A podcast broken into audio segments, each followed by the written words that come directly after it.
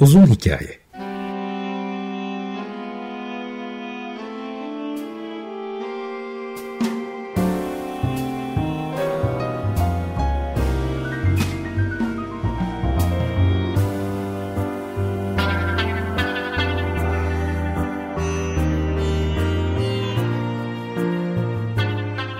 Hazırlayan ve sunan Muzaffer Çorlu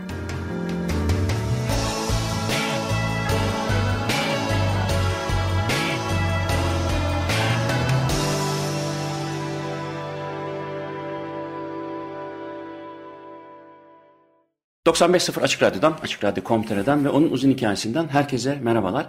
Bugünkü e, programda iki konuğum var. Mert Derman ve Can Özbek. Evet neden Can Özbek ve Mert Derman'ı çağırdım? Çünkü e, çok ilginç bir podcast e, programı yapıyorlar beraber. Podcast yapıyorlar.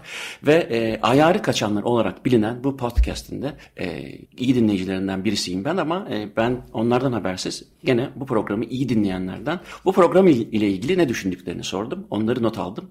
Ama önce bir çok kısaca tanıyalım. Ben Mert tabii Mert'le e, çok daha önceden tanıştığım için ve de e, onunla daha önceden bir program yaparak özellikle onun Ironman koşullarını ve e, ekstrem sporlarda ya da dayanıklılık sporlarında neler olup bittiğini konuştuğumuz bir program da yaptık. Dinleyenler hatırlayacaktır ya da YouTube kanalında ya da Spotify'dan ulaşabilirsiniz o programa da. Ama ben gene de ikinizi çok kısaca hani sporla olan ilişkinizi ve de tabii sizler sporla para kazanmadığınız için aynı zamanda ne yaptığınızı da alalım. Sonra konuya bodoslama girelim. Merhaba, ee, teşekkür ederiz bizi davet ettiğin için. Ee, ben Mert Derman, ee, uzun mesafe koşu e, ile ilgileniyorum. Amatör olarak senin de dediğin gibi bu işten para kazanmadığımız için ayrıca işlerimiz var, ayrıca hayatlarımız var. Ee, geç yaşta koşmaya başlayıp ondan sonra e, ayarı kaçıranlardan biriyim. Evet yani o ayarı kaçırdığın noktaları e, örnek verirsen ben çünkü e, iki Ironman koşunu biliyorum. Bunlardan birisinde ben de vardım çünkü senin e, izleyicin olarak Danimarka'da Kopenhag'da yaptığın. Ama onun evet. dışında sonra e, Spartatlonlar ve daha neler neler yaptın. Onlardan kısaca bahsedip öyle cana geçelim. Evet 33 yaşına kadar pek bir şey yapmıyordum. Orada koşmaya başladım. Ee, yavaş yavaş bu iş e, kendi potansiyelinin sınırlarını aramaya doğru gitti. Ee, senin de dediğin gibi e, uzun mesafelere ulaştık. Ya evet koşuda ulaştığım en uzun mesafe Spartatlon yarışı. E, Spartatlon e, Atina'dan Sparta'ya koşuluyor Yunanistan'da. 246 kilometre e, ve 36 saat içinde bitirilmeniz gereken bir koşu yarışı. E, yani durmadan, dinlenmeden ilerlemek gerekiyor. Onu iki defa e, 2017 ve 2019'da bitirdim. Ondan önce koşu macerası bir, biz biraz ilerlerken e, araya böyle yüzme ve bisiklet de katarak çünkü bunlar birlikte daha iyi gidiyorlar. Hem e, kafa olarak hem de sağlık olarak faydasının çok olduğunu biliyoruz bu işleri birlikte yapmanın. E, bir dönem onları da katarak triatlona merak salıp onun da böyle kısasını, ortasını, uzununu senin, senin de söylediğin gibi Danimarka'da en uzun mesafe olan e, tam Ironman mesafe diyorlar ya da uzun mesafe triatlon diyorlar. Onu yaptım. E, ya sporla hem yaparak hem de izleyici olarak çok yakından iyi. E, onun da e, sonucu olarak Can'la beraber Ayarı Kaçanlar podcast yaptık. Podcast meselesine sonra geliriz. Tabii Can tabii. kendinden bahsetsin. Can evet sen de e, şey aynı yolun yolcusu musun yoksa? Ben seni tabii e, Mert gibi tanımadığım için. Hı hı. E, ya aslında bizim şey e, benim spor geçmişim Mert abi gibi koşu üzerinden değil bisiklet üzerinden başladı. Ee, ben daha çok e, yüklü bisiklet turları yapıyordum. E, fakat işte 2013 senesi gibi böyle bir bisiklete ara verme durumum oldu sağlıkla ilgili bir problem yüzünden. O arada da ufak ufak böyle e, koşmalara başlamıştım. Hatta o zaman Mert abiyi tanımıyordum. Onun e, zaten Türkiye'de ilk ve en iyi yapanlardan biri web sayfasını bunu onu takip ederek işte koşu hakkında bir şeyler öğrenip e, o meşhur çoğu insanın koşuya başladığı Couch to e, 5K programıyla koşu hayatıma girdi. E, sonra ufak ufak işte e, mesafeler uzadı, zamanlar uzadı. E, daha sonra ya işte bisiklet, yüzme de vardı bende. Daha önceden yüzüyordum ama hobi amaçlı. E işte bunlar üçü birleşti. Ben de triatlon e, yolunda kendimi kendi ayarımı kaçırmaya başladım Hı-hı. diyelim. Ee, işte bende de iki tane uzun mesafe triatlon var. Ee, ne demek onlar? Uzun yani mesafe Ironman triatlon. mesafesi diyelim. Ee, onun dışında 7-8 tane e, onun half Ironman diye geçen geçen e, yarı mesafe triatlonum var. Yani e, benimkisi de böyle sayılır. E, onun dışında çok bir e, ayarı kaçırma yok. Mert abi kadar uzun süren şeylerim yok. Sadece ona destek amaçlı o yarışlarda bulundum. Hmm. O kadar ayarı kaçırmayı şu anda düşünmüyorum. Peki şimdi e, hemen bir konuyu e, açmak istiyorum. Çünkü müzikte ve sporda her ikisinde de e, bana göre yanlış anlaşılan bir kavram var. O da profesyonellik ve amatörlük. Ee, mesela amatör olarak pul biriktiriyorum dendiği zaman kulağa kötü gelmiyor. Ama amatör olarak gitar çalıyorum ya da amatör olarak koşuyorum dendiği zaman sanki ben hiçbir şey bilmiyorum. E, boş zamanımda hani arada ben de koşuyorum gibi. E, sen demin amatörce dedin ya benim de dediğim gibi diye beni referans göstererek. O yüzden bu konuya giriyorum. Çünkü benim ne dediğimin iyi anlaşılmasını istiyorum. O da müzikte böyle bilmiyorum sporda da öyle midir? Biz müzikte e, amatörce dediğimiz zaman ya da ben en azından e, o işten para kazanmamayı e, kastediyorum. Dolayısıyla profesyonelce yapıyor olabilir. Tam tersi söz konusu. Profesyonel piyanistler var ki çok amatörce çalıyor diyebildiğimiz gibi. Yani benim kastım daha çok e, ana işi o mu, parayı oradan mı kazanıyor demekti benim kastım. Siz de e, sporda bunu mu kastediyorsunuz yoksa amatör evet. uzun mesafe koşucusu işte arada işte otelde kalıp e, hani Ironman'i sonra torpille bitirmekten bahsetmiyorsun değil mi? Yok hayır. Ya aslında şöyle sporda bu amatör dediğimiz de biraz kafa karıştırıyor. Evet. Çünkü şöyle yani olimpiyatlara bile gidiyor olsan yani o seviyede. Amatör olman gerekiyor zaten. Amatörsün evet. Aslında gerçekten profesyonel olanlar bu işi böyle parayla yapanlar. Mesela buna en güzel örnek böyle NBA, NFL gibi Amerika'nın ligleri. Çünkü o ligler aslında birer şirket. Yani böyle bir organik yani şey değiller. E, federasyon gibi bir yapıları yok. Şirket. Onlar da çalışanları yani. Bütün herkes çalışanları. Ne derlerse yapmak zorundalar. Hatta böyle grev, lockout falan oluyor. Yani mesela oyuncular grev yapıyorlar ya da işte NBA yönetimi lockout ilan edebiliyor. Ne, tam yani, 32. kilometrede duruyor mu? Koşmuyor mu gerisini bitirir diyorum falan. Nasıl grev yapıyor? Yani şöyle, ya da lig, yavaşlatıyor mu falan? İş yani, yavaşlatma. Aynen öyle. Lig duruyor ve anlaşmaya çalışıyorlar. Yani masaya oturuyorlar. Yani böyle resmen işveren iş, çalışan ilişkisi var aralarında. O profesyonel dediğimiz yapı orada. Hı. Ama mesela böyle süper olimpiyat altın madalyası seviyesinde olup hala bu iş amatör yapan. Yani çünkü aslında birinci ligde basketbol oynayıp amatör olabilirsin. Bizim kastettiğimiz amatörlük bunun daha da bir alt seviyesi. Çünkü yani bize genelde şey diyorlar middle of the pack gibi yani hani o yarışın ortalarında yer alan ne en önde ne en arkada. Yani ben mesela birçok yarışa katıldım, birçok yarış bitirdim. Bizim gibi gerçekten amatör demeyelim belki acemi mi diyelim bilmiyorum. Ee, yani bu iş bu işte bizim için önemli olan kendi sınırlarımızı aramak. Yapabiliyor muyuz? Bitirebiliyor muyuz? Daha hızlı girebiliyor muyuz? Yani ben mesela neredeyse şimdi hiç hatırlamıyorum ama yanlış olmasın hiç birinci olmadım. Ee, belki kürsüye çıkmışımdır birilerinin olmadığı bir yarışta olduğum için. Hani öyle de fırsatlar bazen eline geçiyor insanın. Ee, ama şey şöyle senin söylediğini şöyle açmakta fayda var. Ee, ben haftada mesela 10 saatimi, 15 saatimi spora harcıyorum. Şimdi amatörlük müdür, profesyonellik midir? İnsanlar bunu bazen soruyorlar. Aynı şekilde Can da öyle yani. Can da galiba 14 saat 15 saat antrenman yapıyor. Şimdi bu, bu, bu açıdan baktığında profesyonel gibi de görünüyoruz aslında. Çünkü ciddi bir e, zaman e, var. Ya her şeyden önce zaten o senin e, gerçekleştirdiğin benim bildiğim kadarıyla e, bir Ironman'e hazırlanmak yani tamam bir Ironman normalde hani senin e, şeyinin e, 11 saat civarında olduğunu hatırlıyorum. Evet. 11.02 miydi öyle bir şeydi değil mi? Hı hı. E, hatırlıyorum. E, bu 11 saat tabii zaten hangi performans olursa olsun çok zor ya. 11 saat oturmak bile zor yani ama e, bu 11 saat inanılmaz eforun bir de birkaç yıl gerisi var. Oraya hazırlanma süreci var. Dolayısıyla evet. hani amatörce Ironman koştum dediğin zaman yani nasıl amatörce?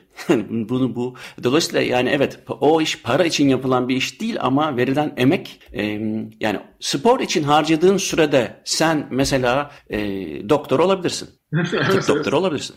E, mühendis olabilirsin, avukat olabilirsin ya da ne bileyim davulcu olabilirsin bilmiyorum ama. Yani o kadar saat dolayısıyla onun altını bir çizmek istedim.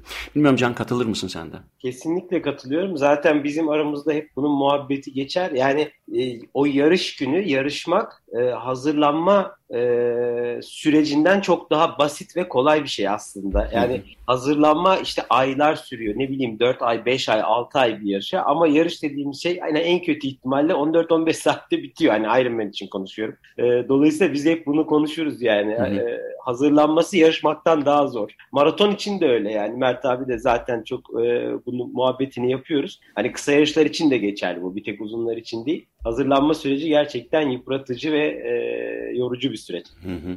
Peki şey şimdi sen 33 yaşında başladım dedin Mert e, spora. E, Can sen kaç yaşında başladın? E, benim de yani koşuyla beraber birleşmesi 2032 falan oluyor benim de. 2032 mi? Yok yok e, yaş olarak 32 oluyor. Yılı düşündüm bir an koşuya Abi. kaç yılında başladım. Yani hem yılı ol, olmuyor hem yaşına olmuyor 2032'de. Peki şimdi 32-33 yani e, yani ben kendi işim olan müzikten baktığım zaman bu başlamak için e, asla geç değil tabii ama dezavantajlar yaratabilme ihtimali olan bir durum. Ama tabii e, çok genç yaşta başladığı için de dezavantaja uğrayan, e, baş etmek zorunda kalan oluyor. O yüzden ben hep bana sorarlar işte müziğin kaç yaşında başladın bilmiyorum. Kaç yaşında istiyorsan, hazırsan başlarsın ama e, sporda e, müziğin spor tarafından yola çıkarak söyleyeceğim. Erken yaşta başlandığı zaman e, bazı kas, eklem, kemik ve zihinsel olarak, kognitif olarak da e, motor reflekslerin e, embodied hale gelmesi, bedenselleşmesi e, ve nöron sayılarının o pathway kurabilmesi için yani beyinde farklı farklı ilişkileri kurabilmesi için ki bu hafızadan çalarken ki işte working memory'e kadar pozitif bir e, fark yaratır. Dolayısıyla genç yaşta başlamanın e, avantajları vardır. E, ama şartlı değildir. Yani genç yaş, geç yaşta başlayıp e, gençler gibi performans gösteren de var. Sporda da bu böyle mi? Öyle olmalı ki siz e, maratonlar, uzun mesafe triatlonları, işte Spartatlon gibi e, gerçekten de e, çok zor sayılabilecek şeyleri yapabildiğinize göre demek ki bunu hissetmediniz ya da hissettiniz de bize mi çaktırmıyorsunuz? Yani e, neler yaşıyorsunuz? Mesela e, sakatlıklarınız ben e, Mert'in bir dönem sakat olduğunu hatırlıyorum. Sen de bana söylemiştin Can. Şimdi bu sakatlıkların geç başlamayla ilgisi var mı? Yoksa da bir bunlar e, ya da bir antrenörle çalışmamanın ya da çok kötü bir cahilliğin sonucu mu? Ne, neden e, sakatlandınız ve 33 yaşında başlamanın, 32 yaşında başlamanın avantajı, dezavantajı ne? Ee, ya aslında sporun yani her dalında bambaşka şeyler söyleniyor. Ama hani bizim yaptığımız böyle uzun mesafe koşuyu veya işte triatlonu düşündüğün zaman e, şöyle bir öz, özelliği var. Fiziksel olarak en iyi olduğun çağ her şeyde olduğu gibi böyle işte 18-25 arası ya da 28 arası diyelim 10 yıl. Hı hı. E, sonra bu iş giderek e, yani vücut yavaş yavaş e, negatif eğime doğru gidiyor. Her sporda bence bu böyle. Ama şöyle bir fark var. E, uzun mesafe zihinsel olarak da bedensel olarak da yaşlandıkça daha iyi yapılabilen bir e, spor. Yani dikkat edersen mesela 1500 metre 3000 metre koşu, koşucuları böyle çok genç koşuculardır. Onlar bir, bir süre sonra 5000'e, 10.000'e evrilirler. Hı hı. Biraz daha yaşlandıkça yarı maratonlara sonra da maratona evrilirler. Yani bu uzun mesafe çünkü hem böyle vücudun yemesi gereken bir böyle şey var.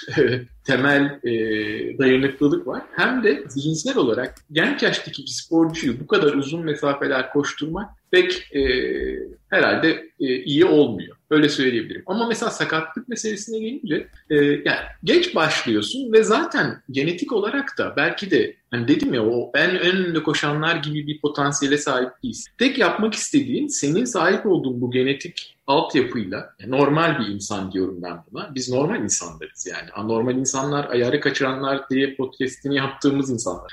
Ee, biz de ayarımızı kaçırıyoruz ama herkesin ayarı bir belli bir seviyede oluyor yani. Ben bu genetik potansiyelin sınırlarını arıyorum. Ararken e, bazen acele edebiliyor insan. E, yani bir an önce bir şeyi bulmak, bir an önce bunu yapabiliyor muyum sonucuna varmak istiyor. O, o acelelerde sakatlanabiliyorsun. Ama benim sakatlığım biraz e, çok çarpıcıdır aslında. Bu kadar çok koşmaktan sakatlanmadım da aksine koşmadığım zamanlarda çok oturduğum için sakat. Tabii bunu belirlemek çok kolay değil tıbbi açıdan ama e, yani bakıldığında e, yazılanlara, çizilenlere, araştırmalara sürekli oturuyor olmak bizi aslında koşuyor olmaktan daha fazla sakatlıyor. Benim mesela bel fıtığı gibi bir başlangıcım vardı. O çok oturmaktan ileri geliyor. Çünkü benim günlük işim yazılım mühendisliği. Ben yazılım geliştiriyorum. Koşmadığım zaman sürekli bilgisayar başında böyle dik oturarak bir şeyler yapıyorum. Ve bazen de dalıyorum, saatlerimi veriyorum orada. E, işte aslında benim sakatlığım oradan kaynaklı. Hı hı. Ama mesela bu ultra maratonlara baktığın zaman Muzaffer biraz böyle yaş ilerledikçe 40'lar 45'ler görüyorsun ki ortalama böyle giderek artıyor. Çünkü e, biraz da şey bu patlayıcı güç e, aslında gençlikten geliyor ama e, gücünü böyle uzun zamana ve mesafelere yaymak biraz daha böyle yaşlanmış bir bedenin yapabileceği bir şey. Hele ki bunu biraz böyle yaşlanırken sürdürüyorsan vücut adaptasyona çok açık sen biliyorsun. Ve ona adapte olduğu için bunu böyle uzun yıllar sürdürebiliyorsun. Bir de böyle e, şey de çok oluyor. Mesela yarışlarda vesaire uzun yarışlarda böyle hep yaşları büyük abiler diyeyim ya da ablalar diyeyim hep böyle sabırlı e, işte bakıyorsun zaten adama tamam diyorsun bu koşar. yani onu işte demin Mert abinin söylediği işte o antrenmanlarda o kilometreyi yemiş, beyni ona artık adapte olmuş, nerede ne yaşayacağını az çok tahmin edebiliyor ama gençlerde dediği gibi öyle bir durum yok. Hemen sabırsız işte e, o gençliğin verdiği heyecanla herhalde koşayım, bitireyim, hızlı yapayım falan gibi bir heyecan oluyor. Yani ilk başlayanlarda da çok var. Biz, ben ben de öyleydim mesela. İlk koşuya başladığımda aman işte o yarışa gideyim, hemen hızlı koşayım. Hep böyle Mert abi bana şey derdi. Oğlum işte yavaş başla, sakin başla. Yok hemen koşacağım, bitireceğim. Ama hep hepsinde başıma bir şey geldi yani. Öyle bir durum da var. Sakatlığın peki? Sen çünkü ya sakat. Ya benimki şöyle. Benimki aslında sakatlık değil. Benimki tamamen e, tüylü bir insan olmanın verdiği kıl dönmesi belası. E, bisiklete çok biniyordum. Saçma sapan bir şekilde böyle bir, bir şey oldu. Doktor dedi ki işte ameliyat oldum. Bisiklete binemezsin artık dedi. Yani böyle bir sene binmeyeceksin. E ne yapacağım ben? E, yürüyebilirsin. işte ufak ufak koşmayı deneyebilirsin gibi bir öneride bulundu. Ki ben yürümekten koşmaktan nefret eden bir insandım o zaman. E, herkes bilir tanıyanlar. Yani üç adım atmazdım yani. Hemen her yere böyle arabayla gideyim bilmem ne. Koşu o şekilde müdahil oldu hayatıma. Aslında yani sportif açıdan bir sakatlık yaşam, yaşamadım. Yani o konuda şanslıyım. Peki şimdi üç adım deyince ben hani lafın gelişi değil de spordaki üç adım üç adım atlamazdım karşıyım gibi bir an öyle anladım. E, adım atacak halim yok manasında. Evet evet yani yürü, yürümeyi sevmezdim diyelim. Şimdi bu sizin podcastler e, önce müdüriyetten başlayalım. E, bu neden ayarı ayarı kaçanlar? Çünkü bunun arkasında büyük bir ekip var. Bunun farkındayım ben. E, ismi nereden geldi? Ayarı kaçanlar. E, birincisi bu. E, tabii kendini anlatıyor. Hani e, eleştirileri biraz sonra söyleyeceğim size ama e, sizden duymak isterim yani. E, nereden geldi aklınıza ayarı kaçanlar? Ya aslında şöyle biz e, 2017'de ve 2019'da Spartathlon ben koşarken e, Can da eşim Başak da e, Kriv olarak bana destek verdi. Yani biz o 36 saati tabii öncesi ve sonrasıyla böyle bir haftayı birlikte geçirdik. Zaten arkadaş olduğumuz için sürekli de sohbet ediyoruz. Ee, yani şey bu spor konusunda zaten çok sohbet ediyoruz. Dedik ki biz bu sohbetleri bir kayıt edelim. E, aslında şeye denk geldi ama bizimki pek pandemiyle ilgili değildi. Bu pandemide bir patlama oldu podcastlerde. Evet. Herkes kaydediyor. Aslında güzel bir şey. Etsin ne güzel. Herkes sohbet etsin ve herkes de dinlesin. E, bilgi alışverişi anlamında güzel oluyor. E, bunu kaydedelim dedik. Bir isim arayışına girdik. Bir gün Başak'la koşuya çıkıyorduk. Ee, kaç koşacaksın dedim. Ya işte dedim ya 15-20 koşuyorum ama az geliyor artık bana. Biraz daha arttırsam bunu dedim. O dedi ki iyice ayarı kaçırdık biz dedi. Aa dedim bak güzel isim bu bunu koyalım. Ee, yani aslında bizim kendi ayarımızı kaçırmamızla ilgili. Çünkü şöyle bir şey var Muzaffer. Biz koşarken yani 10-11 yıldır koşuyorum. Bunu, bunu fark ettik. Ee, insanın zihninde mesela böyle 5 kilometre koşmaya başlıyorsun diyelim. Yeni yeni başladın. Bir süre sonra o senin için böyle çok normalleşiyor. Yani senin normalin oluyor. O hani e, ayar düğmesinde o ortaya geliyor. Bir süre sonra diyorsun ki bunu biraz daha açayım ben. Bir süre sonra 10 oluyor, 15 oluyor. Yani bir süre içinde şeyi fark ediyorsun. Artık sana yetmemeye başlıyor. Daha, az yapıyormuşsun gibi geliyor ki. Gelişmek için daha fazla yapman gerekiyormuş gibi. Buradan geldi aklımıza aslında. Ve şunu düşündük. E, herkes yani bunu pozitif anlamda kullanıyoruz. E, kendi potansiyelinin sınırlarını zorlayarak gelişebilir yani. Yani biraz böyle kendini zorlamalısın ki vücudun her yeri böyle çalışıyor. Kasları, tendonları, kardiyovasküler sistemi, iskelet beyni. sistemi, beyni tabii ki, sinir sistemi. Yani bir şekilde zorlayacaksın ki vücut şey diyor. Aa demek ki bu, bu böyle buna ihtiyaç duyuyor. Biraz daha iyileşirken daha da iyi gidiyor. Bu klasik e, şey teorisi.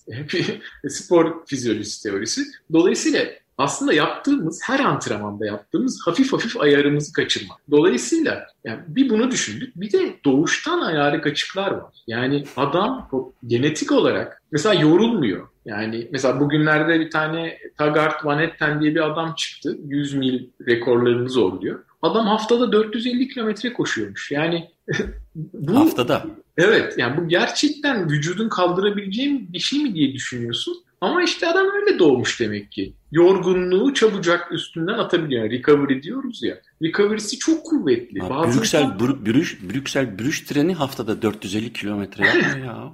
evet. İşte mesela bunun gibi ve geçmişte de böyle insanlar sporda her dalında böyle insanlar da var. Yani dedik ki hem spor yaparak hafif hafif ayarımızı kaçırıyoruz bunu konuşalım hem de doğuştan ayarı kaçıklar var. Onları da ele alalım sporun bütün alan, bütün e, dallarını konuşuyoruz. Ağırlıklı olarak tabii kendi alanımız olan uzun mesafeler, hem triatlonda hem bisiklette hem koşuda ama her şeyi konuşuyoruz. Hatta e, dedik ki içinde böyle kahvede konuşalım, müzikte konuşalım. Ufak ufak bazen bunların sohbetini yapıyoruz. Hatta son bölümde biraz konuştuk. E, dedim e, Muzaffer'in alanına giriyoruz ama fazla da zorlamasak mı acaba diye.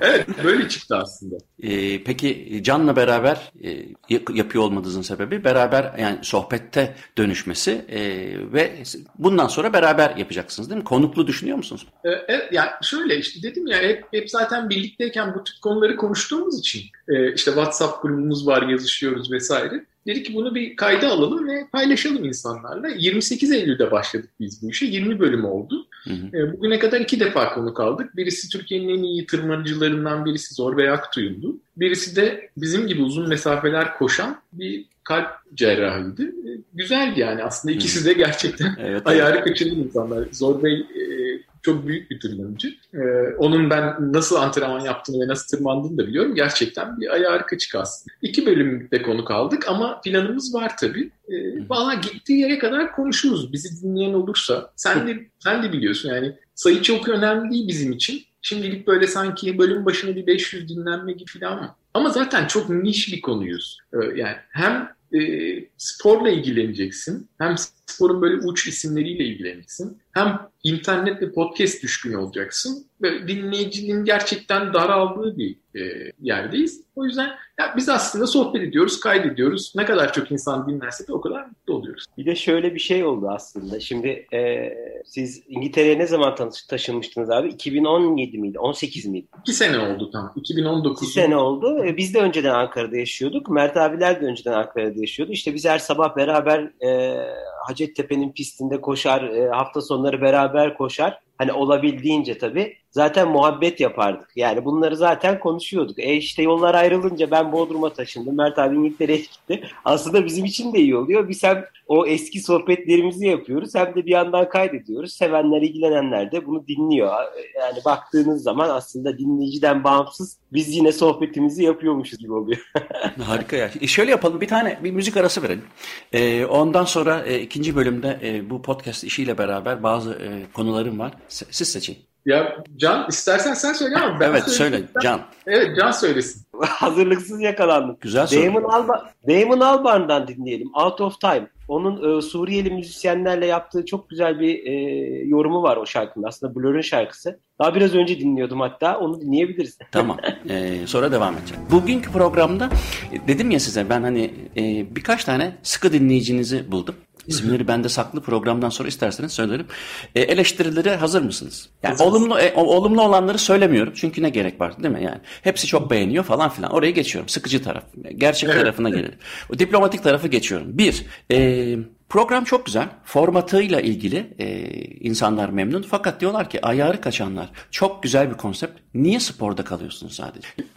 Aslında şey e, bizim de kafamızdaki bir şey bu. E, neden sadece spora odaklı kaldık? İleride değişebilir. E, çünkü düşündüğümüz bir konu bu. Ama dedim ya hem bunu yapıyoruz yani sporu yapıyoruz. Şöyle bir şey var Muzaffer. Bilmiyorum başka şeylerde de insanlar hissediyor mu durumda? Evet hissediyor. Ben aslında biraz gitar çalmaya çalışıyorum. Orada da hissediyorum.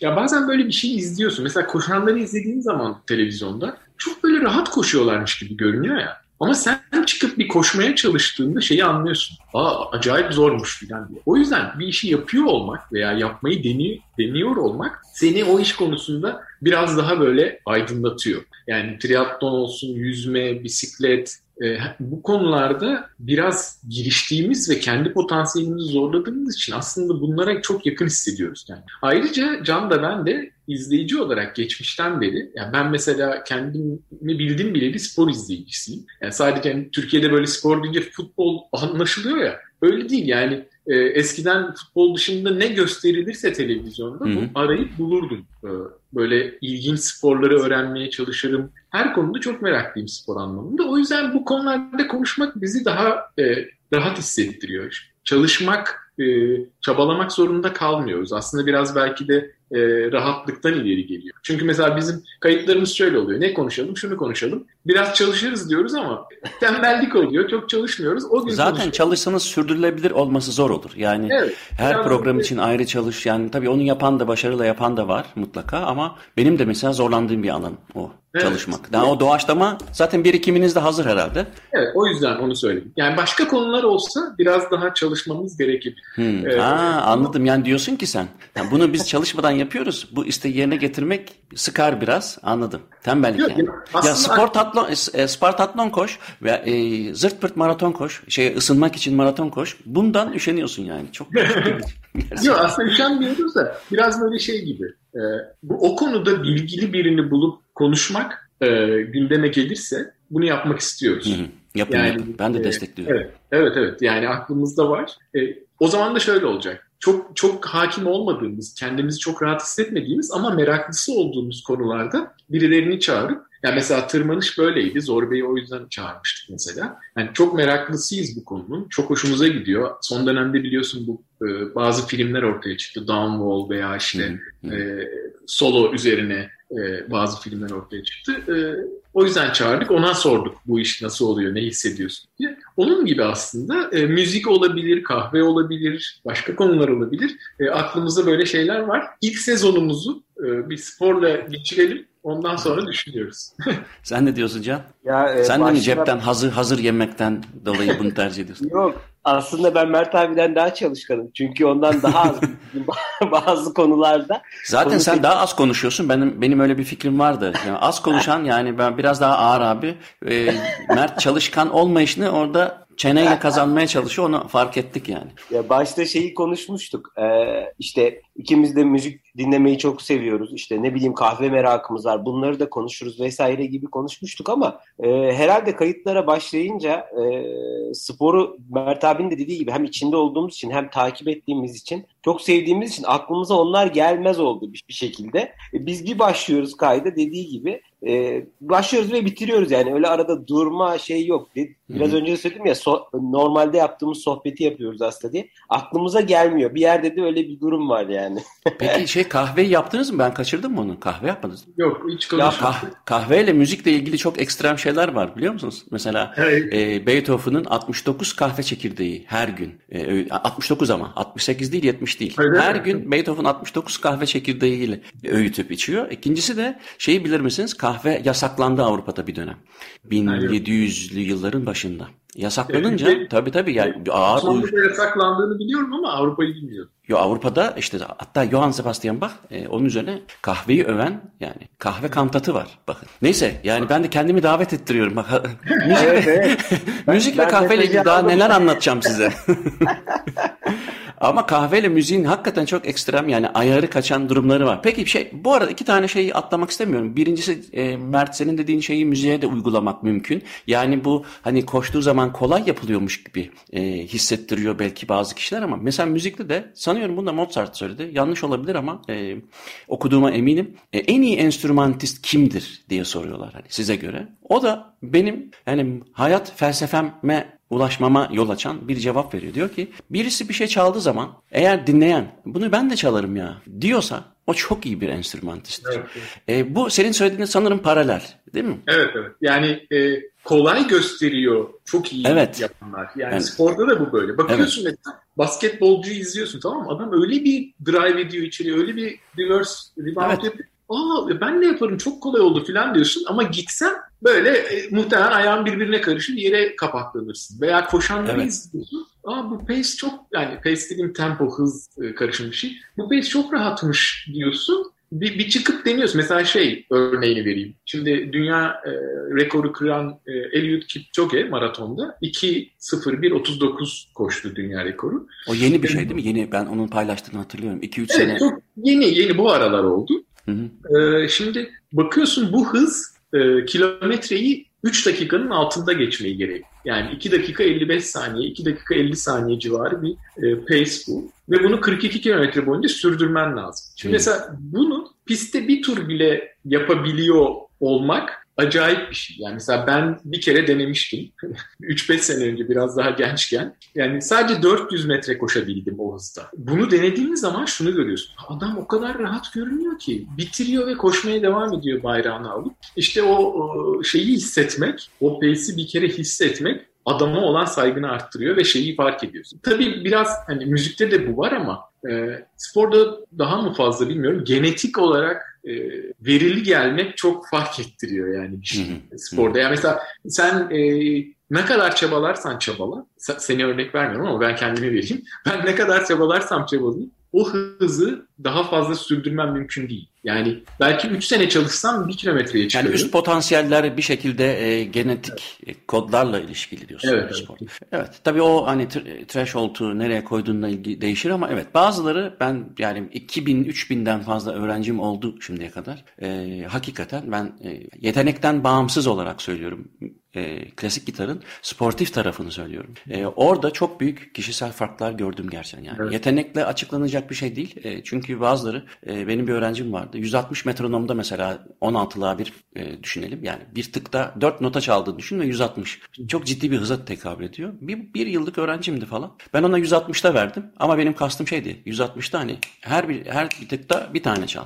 Adam geldi bir hafta sonra bir tıkta 4 ben onu Yanlış yani- anlamış ama ya yapmış ya. ben yapamıyorum yani adam e, öyle sokakta yürüyor haberi yok herif pakadülüs ya ama Evet, hocam evet ya biraz affedersin hızlı mı çaldım yani o oluyor dışarıda şeyi e, Can sana şunu sorabilir miyim E, Mert'e katılıyor musun çünkü sen de bu e, yaptığın e, triatlonlarda uzun mesafe triatlonlarında mecburen tabii triatlon deyince sadece bir formatın var onun yani e, koşu yüzme ve bisiklet yoksa başka Ee, üçlemeler de var mı?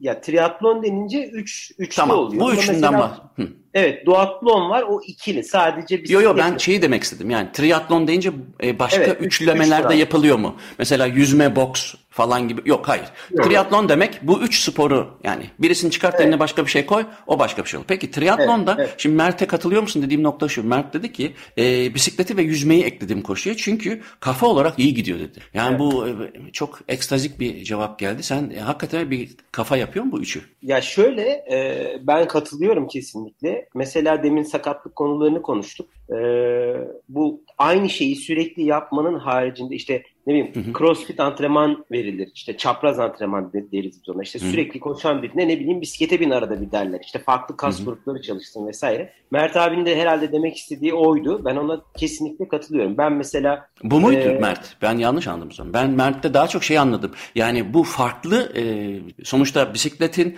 e, bedenle ilişkisi başka. Koşuda zihnin bedenle ilişkisi başka. Çünkü bir spor eylemi yerine getirirken e, yanlış yapılmıyorsa eğer bir zihin beden interaksiyonu var. İnsanın kendinde hiç duyamadığı enteresan sensation'lar geliyor ve sen Evet. e, kendini bir beden olarak da tanımaya başlıyorsun. Yani tahmin ediyorum. Öyle ben çünkü ç- sadece spor amacıyla e, 5K 10K koşan birisi olduğum halde e, ben bile onu hissediyorum. Bazen kendinle baş başa kalıyorsun. Dolayısıyla kendinle konuştuğun, zihnin bedenle bu kartezyen bir ilişkiye girip bir şey oluyorsun. Yani bir yeni bir kendini tanımayla ilgili. Dolayısıyla bunlar bisiklette, yüzmede ve koşuda farklı olsa gerek. Çünkü beden Evet, hareketleri ben, farklı. Ben şöyle her ikisini de kastetmiştim. Hı. Yani hem e, bedenin farklı şeylerle uğraşıyor olması ona iyi geliyor. Hı. Her alanda gelişiyor dolayısıyla ve hep aynı şeyi yapmadığın için de o yorulan tarafların dinleniyor. E, diğeri de zihindi gerçekten. Düşündüğün zaman koşu tamamen senin dünyayla, yer çekimiyle ilgili derdin var. Onu sürekli yaptığım iş. Bisiklette bir aletle bir aleti kullanarak çok daha yüksek hızlara çıkıyorsun. Yani sen kendin kendi kendine çıkamadığın hızlara çıkıyorsun. Bu da mesela zihinsel olarak seni çok farklılaştıran bir şey. Alet Öyle, kullanıyorsun sonuçta. E,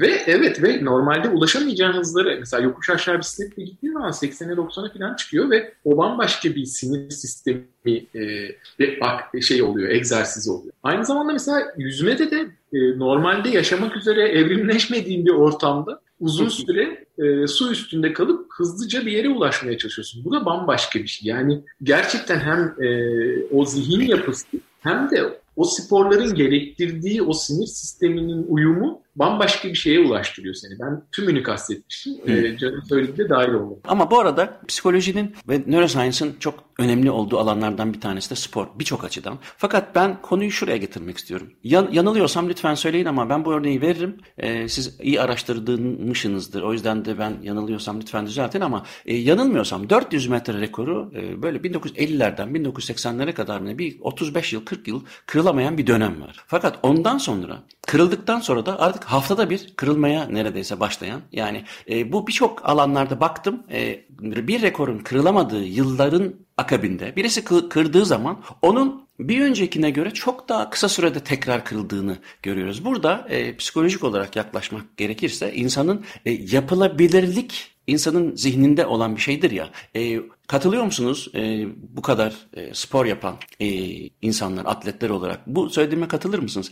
Birisi rekoru kurduğu zaman bunu ben de yaparım, aa yapılabiliyormuş hissi verip bir motivasyona mı yol açıyor? Yoksa da bu benim gördüğüm istatistik e, tesadüf mü? Aa, yok değil kesinlikle. E, bunun en ünlüsü aslında şeydir. E, 1 mili 4 dakikanın altında koşamaz diye 1950'lerde konuşulan bir konu vardı. Yani bu hep konuşulur zaten. Mesela şu anda da maratonda şey konuşuluyor. Son İkinin altına inmek. İki saatin altına inmek. Yani böyle bir kafamızda yuvarlak rakamların şeyleri var, sınırları var. Ama dediğin çok doğru. Mesela bir, mil, e, bir milde de öyle olmuştur. Dört dakikanın altına inildikten sonra bir sene içinde 30 kişi falan koşuyor. Ondan önce kimse koşamıyor. Ee, en ünlü örnek budur. E çünkü şöyle bir şey var. Herkes koşulamayacağını düşündüğü için e, sen daha başlarken koşulamayacağı düşüncesiyle başlıyor. Koşulluyor seni yani. Bu durum seni bir şekilde koşulluyor ve bunun bedene yansımasından ziyade zihinsel evet. olarak nasılsa kıramam gibi bir ön kabul mu oluyor yani? Evet.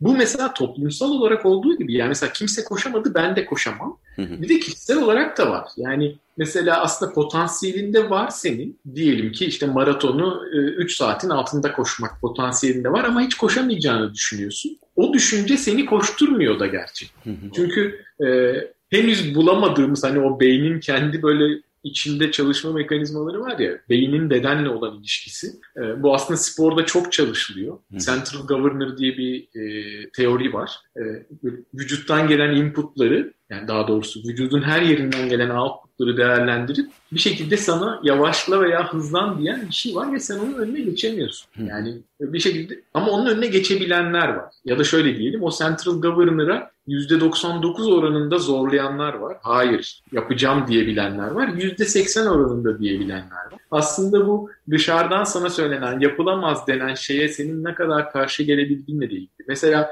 koşarken muhtemelen 1 mili ilk defa 4 dakikanın altında koşan Roger Bannister muhtemelen koşarken inanılmaz zorlanıyordu. Fiziksel ve zihinsel olarak. E, muhtemelen şu, şunu diyordu ya gerçekten koşulamıyor galiba bu kadar acı hissettiğime göre, bu kadar zorlandığıma göre. Ama işte onda şöyle bir özellik var. E, hayır yaptığım antrenmanlara güveniyorum. Onları yapabildiysem bunu da yapabilirim diyebilen bir zihin yapısı var. İşte bazı sporcularda bu var ve onlar rekorları kırıyor. Yani genetik olarak hazır olan belki de onlarca insan var. Onlar ama bunu aşamıyorlar. Birisi aştığı zaman o zaten ha o yaptığına göre biz de yapabiliriz diyebiliyorlar.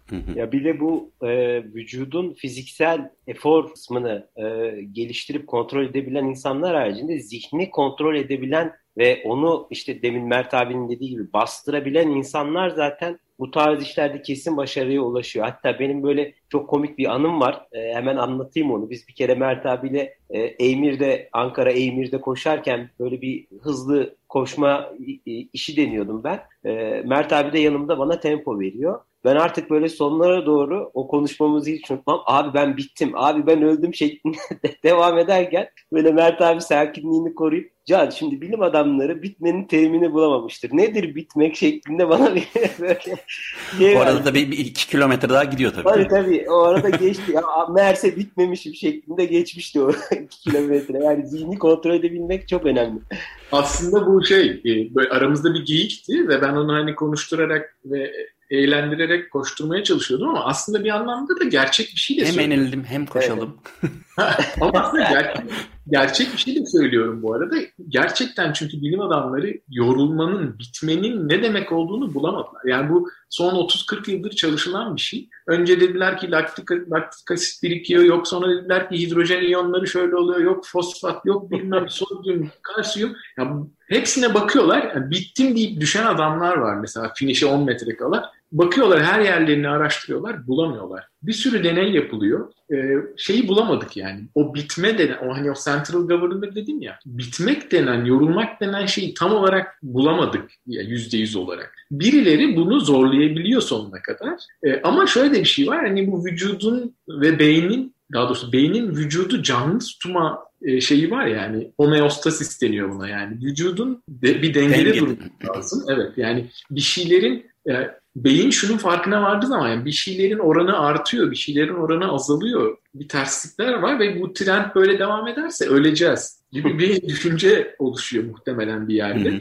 Ee, ama o, o yeri bulamadık ve o yeri etkilemeyi bulamadık. Umarım da bulamayız. Çünkü bulursak şöyle bir şey olacak. Mesela kafana bir şey takacaksın. Oraya bir elektrik dalgası göndereceksin ve adam ölümüne koşacak. Belki de ölecek. Öyle yani, bir deney var. Yani e, ben çok, bunlar, çok evet. eskiden e, bir e, o zaman daha psikoloji okuyordum. E, motivasyon dersindeydi. O deneyi hiç unutmuyorum. E, mesela hipofizin, şey, ventra hipotalamus var. İşte e, yani hipofiz bezinin bir yerine elektrik veriyorlar azıcık.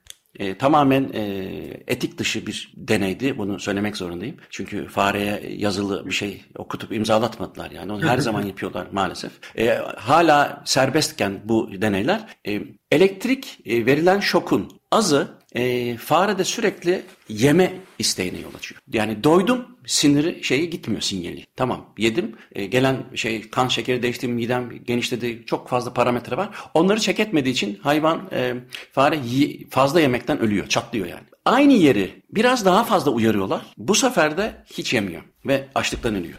Yani senin dediğin yer hani o merkezi bulup da oraya bak kardeşim evet benim şu anda laktik asit biraz birikti işte şu bilmem ne fosfat tuz şu dengesi bilmem ne değişti ama merak etme 2 kilometre kaldı. Hani dayan yetişeceğiz dedirtecek olan yeri bir bulduk mu diyorsun herkes sabah kalkıp bir Spartatlon yapıp gelir. Ya tabii o kadar değil ama e, ama şey bu, bu Ayar, ona da şey diyelim ayarı kaçırma noktası beyinde. Evet evet. Yani ama bu konu gerçekten çok e, hassas bir konu. Çok çok çalışılıyor. E, yani e, şeyi görüyoruz mesela. E, finişe çok az kala bütün kasları kilitlenip böyle hareket edemeyip ben en son 4 sene önce seyrettim. Triatlonun sonunda e, yo Iron Man ikisi iki, iki, iki kadın e, sporcuydu. Evet evet. İkisi birden yani 5 metre falan kala. Seyretmişsinizdir belki. Çok bayağı evet, fenomen olmuştu. Bu 10 sene olmadı yani abi. 5-6 yıllık hikaye. Ya evet.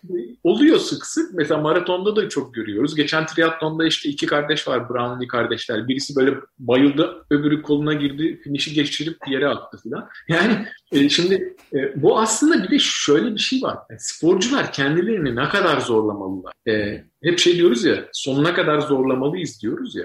Mesela geçenler, geçenlerde bir olay oldu. Çin'de bir ultramaratonda hava bir anda çok bozulduğu için e, birçok insan hayatını kaybetti. Belki de onların zihninde şu vardı ultramaratoncu zihniyeti. Sonuna kadar zorlamalıyız. Soğuk da olsa zorlamalıyız. İşte kar da yağsa yani ama bir, bir şekilde e, vücudumuzu da hayatta tutmalıyız ki bir devam edelim bu hayata yani. Daha bir şeyler yapabilelim diye. E, ya bu, bu konu ama şöyle de bir şey var Muzaffer. E, yeri gelmişken söylemek lazım. Çok kolaylıkla kandırılabiliyor. Müzikte de bu var mı bilmiyorum ama e, mesela adama şey yapıyorsun. E, kapalı bir ortamda bisiklet çevirtiyorsun. Orada da böyle termometre var. Sıcaklığı gösteren. Sıcaklığı olduğundan çok düşük gösteriyorsun. Normalde mesela vücut sıcaklığı çok artması gerekiyor. Çünkü içerisi 40 derece. Ama adam ha. orada 28'i gördüğü için e, içeriği çok yani beyin şey yapıyor. Resmen 28'miş gibi çünkü öyle inanıyor. Veya işte adamı sabah bisiklete bindiriyorlar.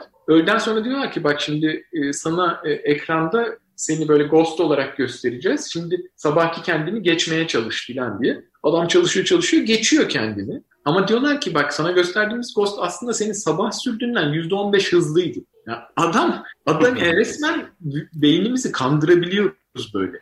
Bunu, Bizde... bunu, yap bunu yapabiliyorsak neler neler yapamayız yani. Rekorlarda hani ayarı kaçanlar diyelim kibar olsun. Aklıma daha başka bir şey geliyor ama hani ayarı çıkaranlar hani ayarı e, bozulanlarda diyelim. E, benim en çok dikkatimi çeken çünkü ben onun zamanında çok seyrettim. O hala aktif sportmenken, e, sporcuyken daha doğrusu. E, Sergey Bubka. Sinirimi bozuyordu yani. Ben şeye inanmaya başladım. Çünkü 84 ile 90 yani 80 95 yıl arası 15 yıl her hafta dünya rekoru kırılır mı? Ben şeye inandım sonra. Hatta sonra böyle bir komplo teorisinde de duydum. Adam aslında en son kıracağı rekoru kırmış ilk. Arada da 30 santim var. Lan ben bunu bir santim bir santim buradan iyi ekmek yerim demiş olabilir mi? Bu Sergey Bubka'yı yani gençler belki hani çünkü sanıyorum 2000'lerden e, sonra yok artık o e, çıkmıyor. Ama Şimdi... 80'lerin e, 90'ların gerçekten efsane e, sporcusu. Fakat yani dünya rekoru yanılıyor mu? Öyle değil mi? Her hafta Sergey evet. Bubka sırıkla atlamada yeni bir rekor kırıyordu. Ya, sinir bozacak şekilde. Nedir onun? Siz evet. Ya biraz biraz öyle bir şey olabilir. Çünkü şöyle bir şöyle şeyler de var ya mesela bir event sırasında rekor kırıldığı zaman işte ayrıca ödül alanlar olabiliyor vesaire veya işte zaten hani tarihe geçiyorsun bir kere daha geçiyorsun. Ee, olabilir böyle bir düşünce tarzı ama bir de şöyle de bir şey var. Genelde öyle e, atlamalarda özellikle yüksek atlama veya sırıkla atlamada sonuçta şeyler oluyor işte. 55 ile başlıyorsun 60, 65, 70, 75 diye gidiyor ama sen e, eğer herkes elendiyse ve tek kaldıysan kendin herhangi bir mesafeyi söyleyebiliyorsun. Ondan önce böyle bir şey yok ama eğer herkes elendiyse ve senin altın alacağın kesinleştiyse ve hakkın da kalmışsa istediğin şeyi söyleyebilirsin. Bir santim bile arttırabilirsin. Hı hı. Dolayısıyla bundan faydalanarak aslında e, çünkü şey e, hep diyelim ki 6-15'i atlamayı deneyip hiç başaramamaktansa 6-0-2'yi deneyip onu başardığını görüp sonra 6-0-3'ü de deneyip. Çünkü Ama bir başkasının ona yetişemiyor olması lazım. Bir de öyle de bir şansı var adamın. E tabii. E, o domine eden bir sporcuydu. Şu anda da aslında takipçileri önce bir Renaud Lavinelli geldi Fransız. E, o hala yapıyor ama şimdi çok genç bir çocuk geldi Mondo Duplantis diye. O, onlar kırdılar onun rekorlarını. Şimdi onlar da öyle birer santim birer santim arttırıyorlar. Şimdi ya bu sırıkla yani. atlamada bir var bir bir şey. E, bu dediğim gibi atlamalarda sırık ve yüksekte böyle bir şey var. Çünkü e, çok yukarıyı söyleyip atlayamamaktansa bir önceki rekoru bir santim arttırıp onu yapabiliyor olmak galiba ama tabii söylediğin de etkendir muhakkak yani. Özellikle domine eden bir sporcuysan öyle bir dalda ufak ufak ufak ufak devamlı rekor kırıyor olmak ve sürekli gündemde kalmak da tabii bir sporcunun isteyeceği bir şey galiba. Her sporcu olmasa da. Yani muhtemelen hem vücudu hem beyin hem sinir sistemi o işe çok yatkındı. Hı hı. Ee, şimdi mesela bu Mondo Duplantis dedim ya genç çocuk. O da mesela böyle bir sporcu. Yani e, 12 yaşından 11 yaşından görüntüler var. İnanılmaz atlıyor sırıkla. Arka bahçeye sırıkla atlamayı yapmışlar. Çocuk orada yani bir yandan da böyle hani böyle bir yeteneği keşfedip, yatkınlığı keşfedip buna yatırım yapan... Ama evet, nasıl keşfedersin ki çocuğun sırıkla atlama yeteneğini? E şimdi İsveç. ya bakıp böyle Ulan sen sırıkla atlarsın gibime geliyor. Hani koşarsın dersin, futbol dersin de sırığı nerede gördün anne? Merak evet, ettim bak. Ya ben de tam bilmiyorum nasıl keşfetmişler ama yani şimdi İsveçli e, düşününce yani Türkiye'de yok ya mesela ya futbol oynarsın beden eğitimde ya basketbol oynarsın. Anladım. İkisini de beceremiyorsan voleybol oynarsın. Biliyorum ben öyleydim çünkü ikisini Anladım. de beceremiyorum. Voleybol bir kemanda da keman da violonsel de çalamayınca hemen violaya koyarlar. O yüzden viola şakaları da çok enteresandır. Çünkü ya ki belli ki keman çalamadın sen ondan violayı verdiler. Genelde öyle bir şey vardı.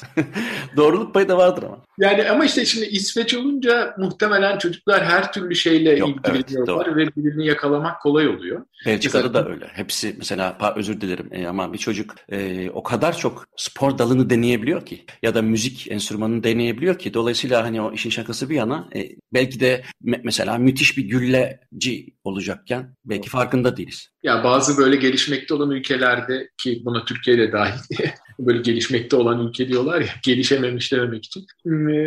Şey ne şeyler kayboluyor belki de? Yani yatkın gençler yok olup gidiyor. Ve ben bunu şöyle duymuştum. Çocuklar böyle spor yapıyorlar, yapıyorlar, yapıyorlar. Bir yaştan sonra çocuklar kayboluyor ortada. Mesela e, sporla ilgilenen insanlar hep bunu anlatıyorlar. Çünkü çocuklar şeye gidiyor. Fen lisesi, yok üniversite vesaire gibi olaylara eğiliyorlar. Çocukları kaybediyorsun. Aslında belki de aralarında ne kadar müziğe, sanata veya spora yatkın insan var kaçırıyoruz belki de. Can sen bir şey çalıyor musun? Yok ben çalmıyorum. bisiklet, bisiklet, yüzme, koşu. Peki sen, Evet, ne, sen ne yapıyorsun peki e, iş olarak? Yani ben meslek- mimar, iç mimarım. Ee, yani şu anda aktif bir yerde mesaili çalışmıyorum. Ee, daha çok hani home office ya da böyle çıkarsa bu böyle e- etrafımızdan proje vesaire gibi şeyler çıkarsa onları değerlendiriyoruz. Eşim de iç mimar. Hı. Ee, biz bu kurumsal hayat şeyini biraz koptuk gittik oralardan. Ee, Freelancer gibi yani. evet, onun gibi oldu. Hı. Ee, bu şekilde. Şimdi son konum şu. e, siz programlarınızda ayrıca e, değiniyorsunuz tabii ama böyle e, hakikaten top 5 ayarı kaçırmış e, kişi ya da event. Sizin, sizin yani ilk beşiniz hangisi? Ya e, bir kere en baştan şey söylememiz lazım. Yannis Kouros diye bir ultramaraton koşucusu var. Hala yaşıyor ölmedi ama aktif değil. E, ya onun ultramaratonlarda kırdıkları e, ya kesinlikle bence e, birinci sıraya koyarım onu. Özellikle Referans vererek söyler misin sen yani ne kadar? Ee, Yani nasıl söyleyeyim? Ee, 100 kilometreden 1000 mile kadar hatta 6 gün yarışlarına kadar her türlü rekoru kırmış bir insan. İki, Can sen ne diyorsun? İkinci onun arkasından. İki, iki de benim için Mert abinin dediği gibi Kouros birdir herhalde. İki de ben bir bisikletçi söyleyeyim. Ee, madem bisiklet tarafı bende daha şey. Ben de Eddie Merckx'i koyarım herhalde. Ee, o da Belçikalı bisikletçi. O da efsanedir. Ee, onun da bayağı kırılamayan rekorları var. Ee, işte saat, bir saat rekoru vardı mesela. Kırıldı gerçi geçtiğimiz senelerde üst üste biraz önce konuştuğumuz gibi kırılmaya başladı ama o da hani bisiklet e, dünyasında bayağı ayarı kaçık. Hatta Hı. Cannibal lakaplı bir bisikletçidir. İyidir. Nereden geliyor lakap? Tövbeler tövbe. Yani o, o dönemde hani e, herkesi yiyip bitirip silip süpürüp Ha, yarışları kazanıp o Mecazi şekilde- inşallah diyordum tamam. evet evet e, o şekilde bir lakabı var.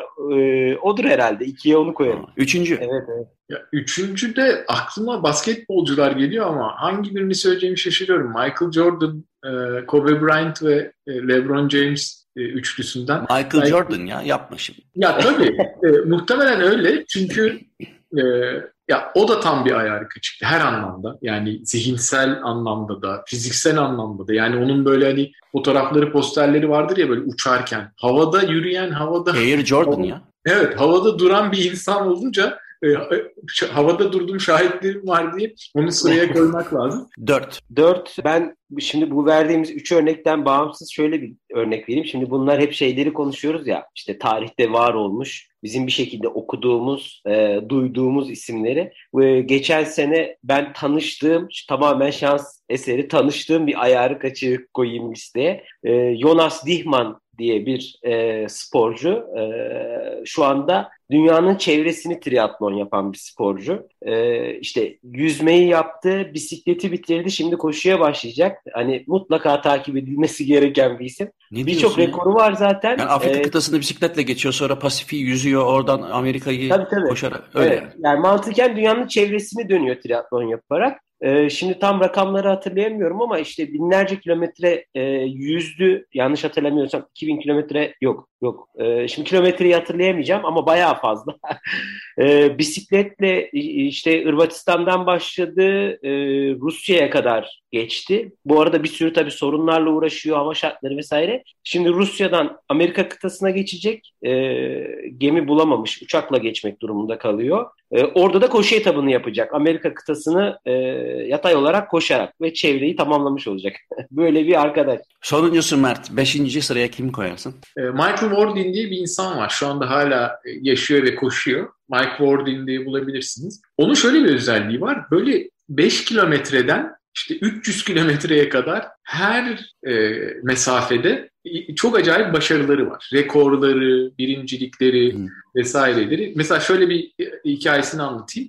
Bu adam gemide çalışıyor. E, okuyor, ediyor. Diyor ki koşu bandında 50 kilometre rekorunu kırabilirim galiba diyor. Çıkıyor, videoya kaydediyor, koşuyor. Kırdım diyor, gidiyor internette paylaşıyor. Uyarıyorlar. Diyorlar ki ya yanlış bakmışsın aslında rekor öyle değildi. Ondan bir 3 dakika daha hızlıydı falan diyorlar. O da ertesi gün gidip bir daha kırıyor falan. Yani böyle yani 50 kilometre rekoru kırmışsın. Bir buçuk gün sonra bir daha kırıyorsun. Veya işte e, 7 kıtada e, 7 maraton koşup bunu en hızlı sürede toplam süresini en hızlı sürede yapma rekoru vardı mesela. Veya işte çok acayip şeyleri var. Ee, işte e, Amerika'nın batı kıyısında 2.25 maraton koşup uçağa binip hemen e, doğu kıyısına gidip orada akşam olmadan bir maraton daha 2.25 koşmak gibi. Böyle hani çok acayip. Hatta en sonunda mesela birkaç gün önce şey kırmıştı böyle. İskoçların bir kıyafeti var ya yukarısı takım elbise gibi aşağısı e, kilt. E, kiltle e, en hızlı maraton rekoru kıracağım deyip geçenlerde de öyle bir şey yapmıştı. yani böyle e, onu koyuyorum çünkü böyle rekor peşinde koşan, ilginçlikler yapan ve çok böyle hani geniş bir yelpazede koşan bir adam olduğu için ve de çok şeydir, çok humble böyle herkesle e, normal mütevazı. bir şekilde. Evet çok mütevazı. Yani e, onu söyleyebilirim. Tabii şey değil bu. Hani ondan çok daha ayar kaçık yok mu? Ama Hani ilk üçten sonra akla bir sürü şey geliyor veya unuttuklarımız vardır. Çok acayip insanlar var yani dünyada. Çok acayip işler yapmış. Tarihteki insanları, mesela işte Zapotek'i konuşmuştuk bir bölümde, bilmiyorum hı yakalamış mıydın onu. Bir olimpiyatta üç dalda maraton alan, üç ayrı mesafe, ya şey madalya alan, e, altın madalya alan. Yani ve bunu da gidip birine verebilen böyle çok enteresan insanlar var. E, muhtemelen kaçırdıklarımız vardır ama bunları söyleyebiliriz. Hı hı. Valla bu şekilde de bitirelim isterseniz. Gayet enteresan oldu. Bana ulaşmak için Muzaffer Corlu Gmail adresine yazabilirsiniz. Programın tekrarını Açık Radyo Spotify'a koyacak. Ben de görüntülü olarak YouTube'a koyacağım. Haftaya görüşürüz. Hepinize günaydın.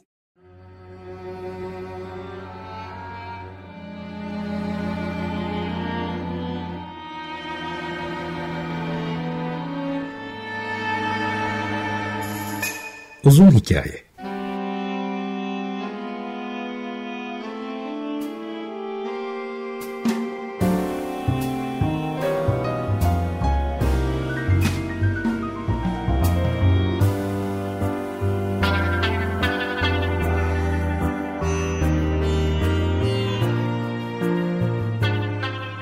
Hazırlayan ve sunan Muzaffer Çorlu